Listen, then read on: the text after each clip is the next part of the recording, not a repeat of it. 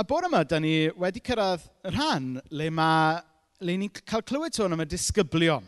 Y bobl oedd yn dilyn Iesu, y bobl oedd yn rhan o'r teulu yma oedd yn, yn dilyn Iesu, rhai o'r disgyblion cyntaf. Mewn geiriau eraill, dechrau yr eglwys grisnogol. A maen nhw'n dweud fod modd dweud llawer am berson wrth y ffrindiau maen nhw'n cadw. Chi wedi clywed rhywun yn dweud hynna? Bo modd dweud lot am rhywun wrth y ffrindiau maen nhw yn cadw. Ac yn anffodus, da ni yn byw mewn oes lle nad oes lot o pobl yn adnabod Iesu. Ond eto, maen nhw yn yn adnabod ni, yn dydyn. A mae hwnna'n heriol iawn dydy. Dydy pobl ddim yn adnabod Iesu, ond pwy maen nhw yn adnabod yw i ffrindiau fe. Sef, gobeithio, trwy ffydd, chi a fi. A mae hwnna'n gosod her yn dydi. Falle bod ni'n dweud, wel na, peidiwch edrych yn ni, edrychwch ar Iesu. Ia, iawn, oce. Okay. Good in theory.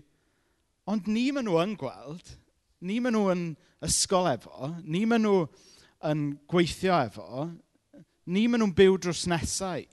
Felly mae hwnna jyst yn dangos i'n dydy pa mor bwysig yw e a gymaint o fraint yw e i ni ddweud bod ni yn ffrindiau Iesu Grist, ac felly yn, yn ei bobl e yma yng Nghernarfon, yn, Can yn Nghymru, yn y byd. Mae hwnna'n dangos fod teulu y ffydd, pobl Iesu Grist, yn bwysig.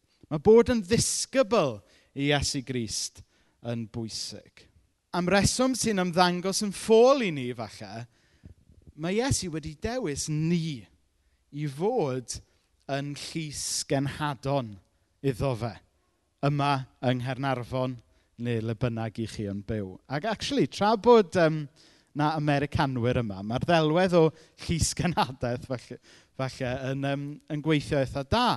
Dwi'n was yn tynnu coes mae llys genhadaeth America yng, yng Nghymru ydy T. John Robinson. um, a, a, achos um, Hynny yw, rôl chi sganad ydy cynrychioli gwlad arall yn, mewn, yn y wlad yma fel petai.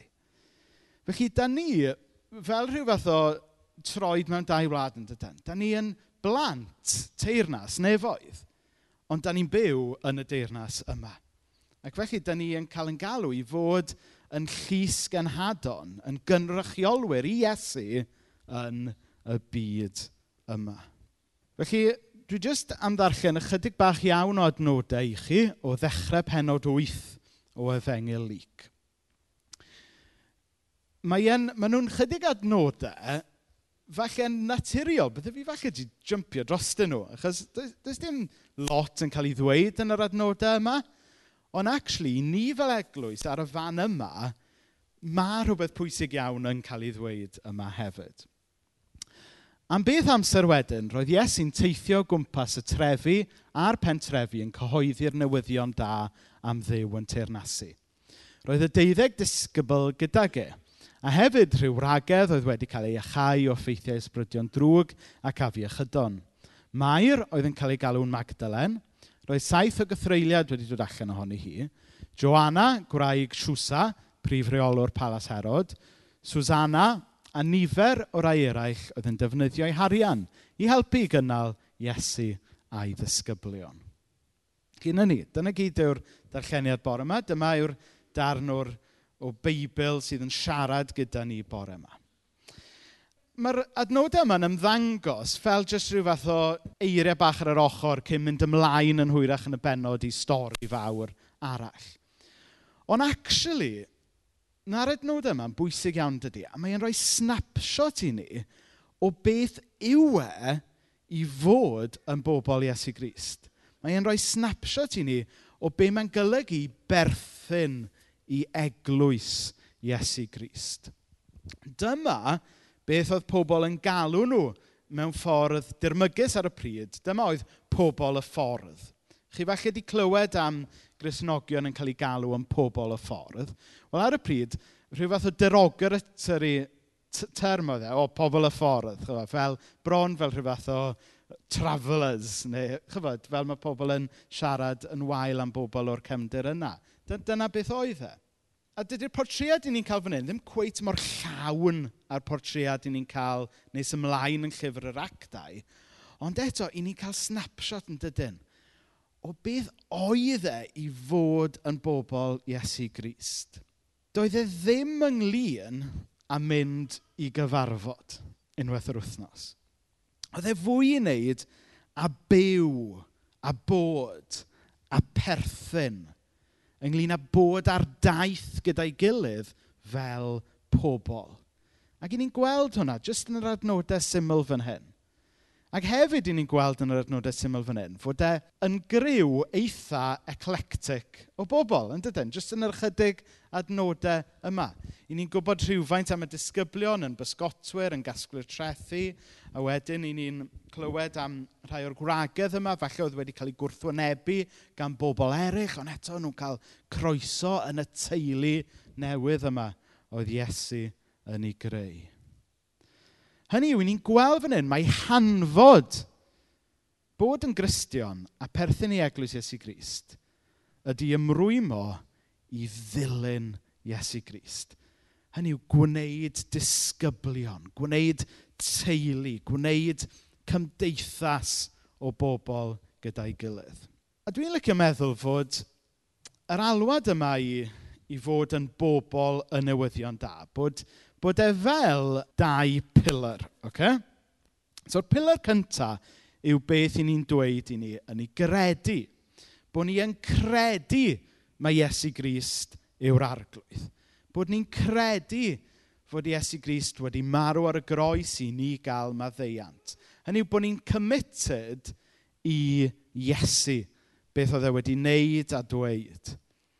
Ond yr ail pilar tua'r un mor bwysig yw ddim jyst bod ni yn committed i Iesu, ond bod ni'n committed i bobl Iesu. Bod ni'n committed i'n gilydd. A meddyliwch am y peth. Does e y rhywun yn dweud bod nhw'n ffrind i fi, ond wedyn y munud nesaf yn dweud, ond dwi'n cysau'r menna yna.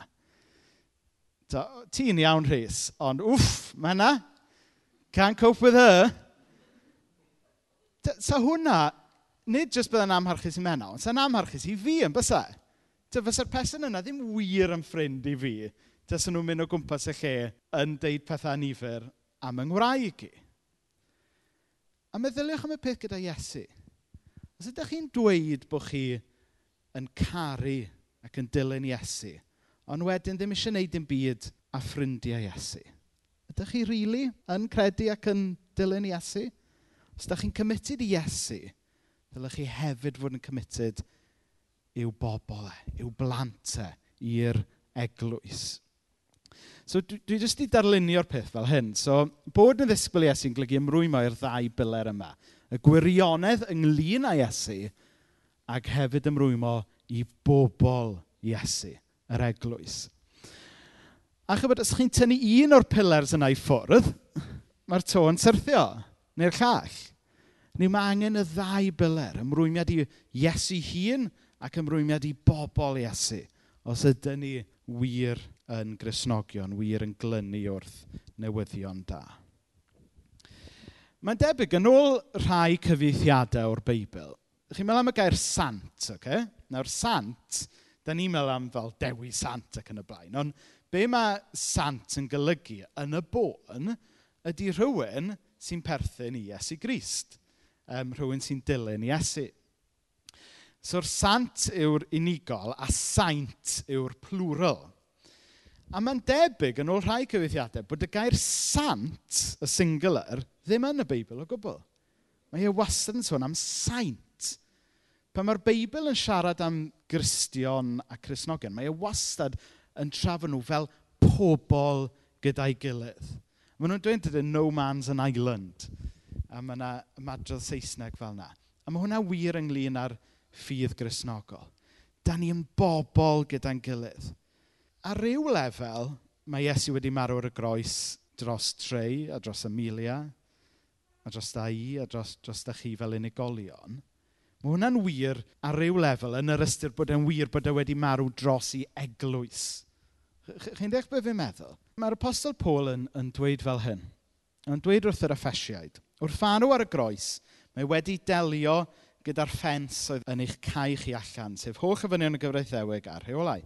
Gwnaeth hyn er mwyn dod â ni berthynas iawn â'n gilydd a chreu un dynoliaeth newydd allan o'r ddau grŵp o bobl. Hynny oedd Dyw yn y busnes nid o greu unigolion newydd, ond o greu dynoliaeth newydd. Oedd e eisiau creu pobl newydd. Ac wrth gwrs bod yna alwad bersonol i bob un ohono ni fod yn rhan o hwnna. Ond mae'r Beibl yn siarad am greu pobl newydd, o greu dynoliaeth newydd. A wedyn Titus. Mae e wedi marw drosto ni'n rhyddhau ni o afel popeth drwg ac i'n glenhau ni a'n gwneud ni'n bobl iddo fe hun. Pobl sy'n frwyd i wneud daioni. Dych chi'n gweld eto, yn dydych chi'r alwad bod dilyn Iesu ddim just yn rhywbeth personol, ond mae e'n rhywbeth le ni'n cael yn gwahodd i fod yn rhan o bobl. Ni'n cael yn gwahodd i fod yn rhan o'r ddynoliaeth newydd, yr eglwys. Mae rhai pobl yn meddwl bod chi'n dod i ffydd yn Iesu Grist, a wedyn bod chi'n penderfynu dod yn rhan o eglwys. Ond na, mae credu yn Iesu Grist y, yw dod yn rhan o'r eglwys. Credu yn Iesu Grist yw dod yn rhan o'r bobl mae Iesu Grist wedi marw drostyn nhw. Credu yn Iesu Grist yw dod yn rhan o be mae'r Beibl yn galw yn briodferch Crist. Mae'r Beibl yn dweud mai ni, yr eglwys, yw gwraig Iesu Grist mewn ffordd. A mae hwnna'n ddelwedd hyfryd yn dydy. Mae John Stott yn dweud fel hyn. The church lies at the very center of the eternal purpose of God. It is not a divine afterthought. It is not an accident of history.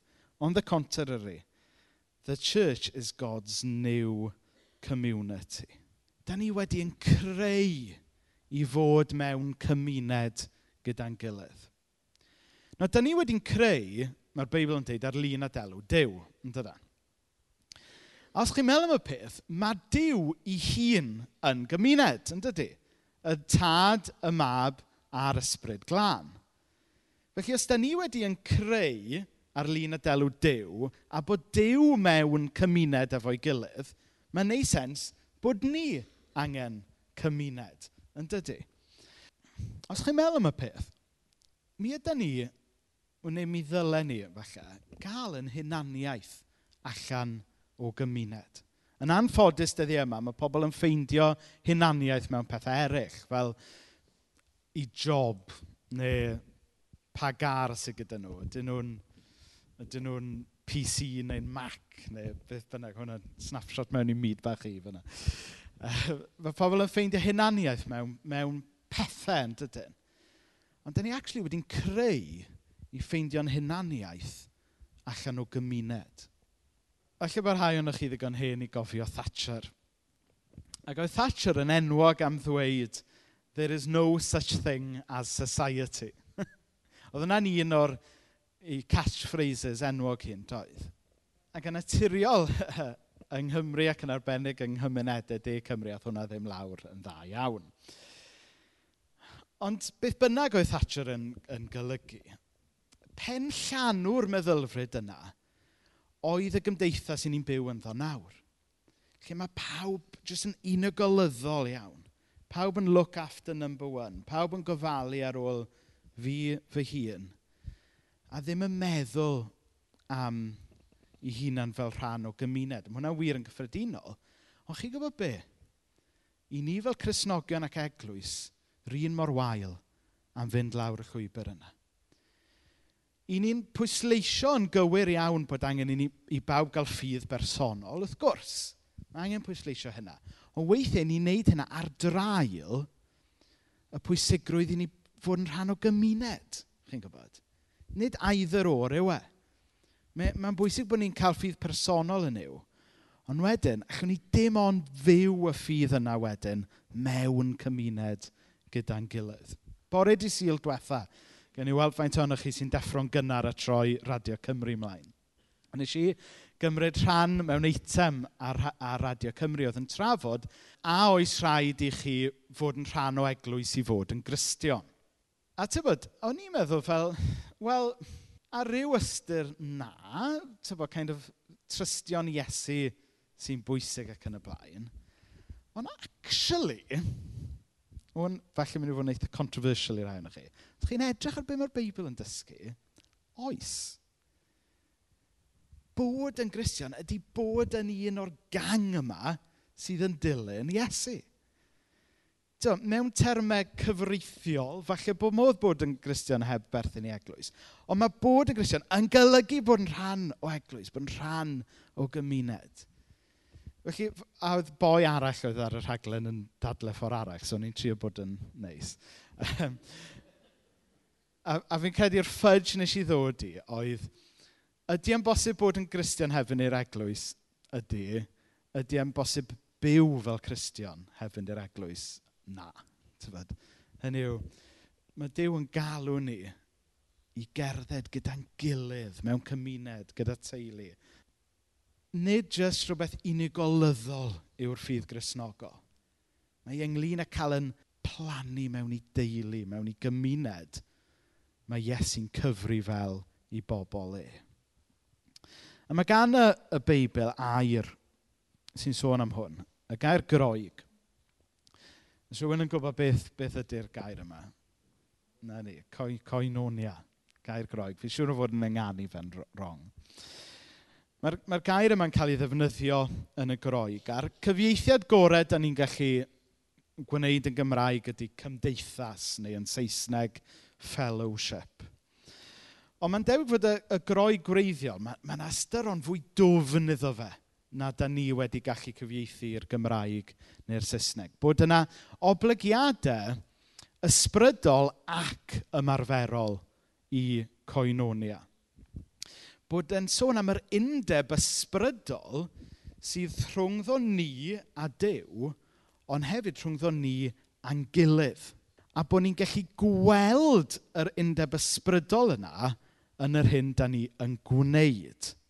So bod ni yn gallu gweld fod Iesu yn caru ni drwy be mae e wedyn ei ar y groes, a bod ni'n gallu gweld yr undeb rhwngtho ni, gobeithio, yn y ffordd da ni'n cerdded gyda'n gilydd. Yn y ffordd da ni'n caru'n gilydd. Yn y ffordd da ni'n gofalu ar ôl yn gilydd. Yn y ffordd da ni'n dathlu efo'n gilydd. Yn y ffordd da ni weithio'n crio efo'n gilydd. Be dwi'n trio dangos i chi bore yma yw fod bod yn gristion, bod bod yn ddisgybl i Esu Grist, mae e'n gorfod bod yn fwy na dod i capel ar ddydd syl a dim byd arall. Mae ei wneud y cynnal breichiau yn gilydd. Mae e'n neud y bwyta gyda'n gilydd. Mae e'n neud a rhannu eiddo falle gyda'n gilydd. A fel o'n i'n dweud, mae e'n neud a chynnal yn gilydd. Mae'n amseroedd da ac amser anodd. A drwy edrych ar y testament newydd, i ni'n lli gweld felly fod eglwys yn bobl nid adeilad. Mae'n catchphrase nes i ddefnyddio mewn cyfres o bregethau pedair blynedd yn ôl pobl nid adeilad. A wnaethon ni weld hwnna yn real iawn dros y diwrnodau diwetha. Nos Wener, fi oedd yna dan difrifol mewn eglwys yn Cas Newydd. Felly bod rhai o'n chi wedi gweld ar y newyddion.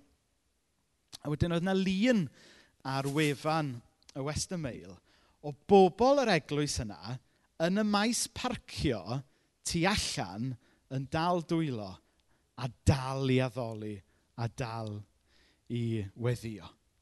Nawr, oedd hwnna'n ddelwedd hyfryd yn doedd. Yn yw, wrth gwrs, mae'n ddelwedd drist a mae'n calon ni yn torri dros yr eglwys sydd wedi cochi i hadeilad. Ond eto, oedd yn delwedd i'n berffaith yn doedd ynglyn â sut mae'r eglwys yn bobl nid adeilad. Oedd i adeilad nhw wedi llosgi lawr, ond fel pobl, oedden nhw dal yna yn addoli yn dal ymrych ei gilydd, yn cynnal ei gilydd.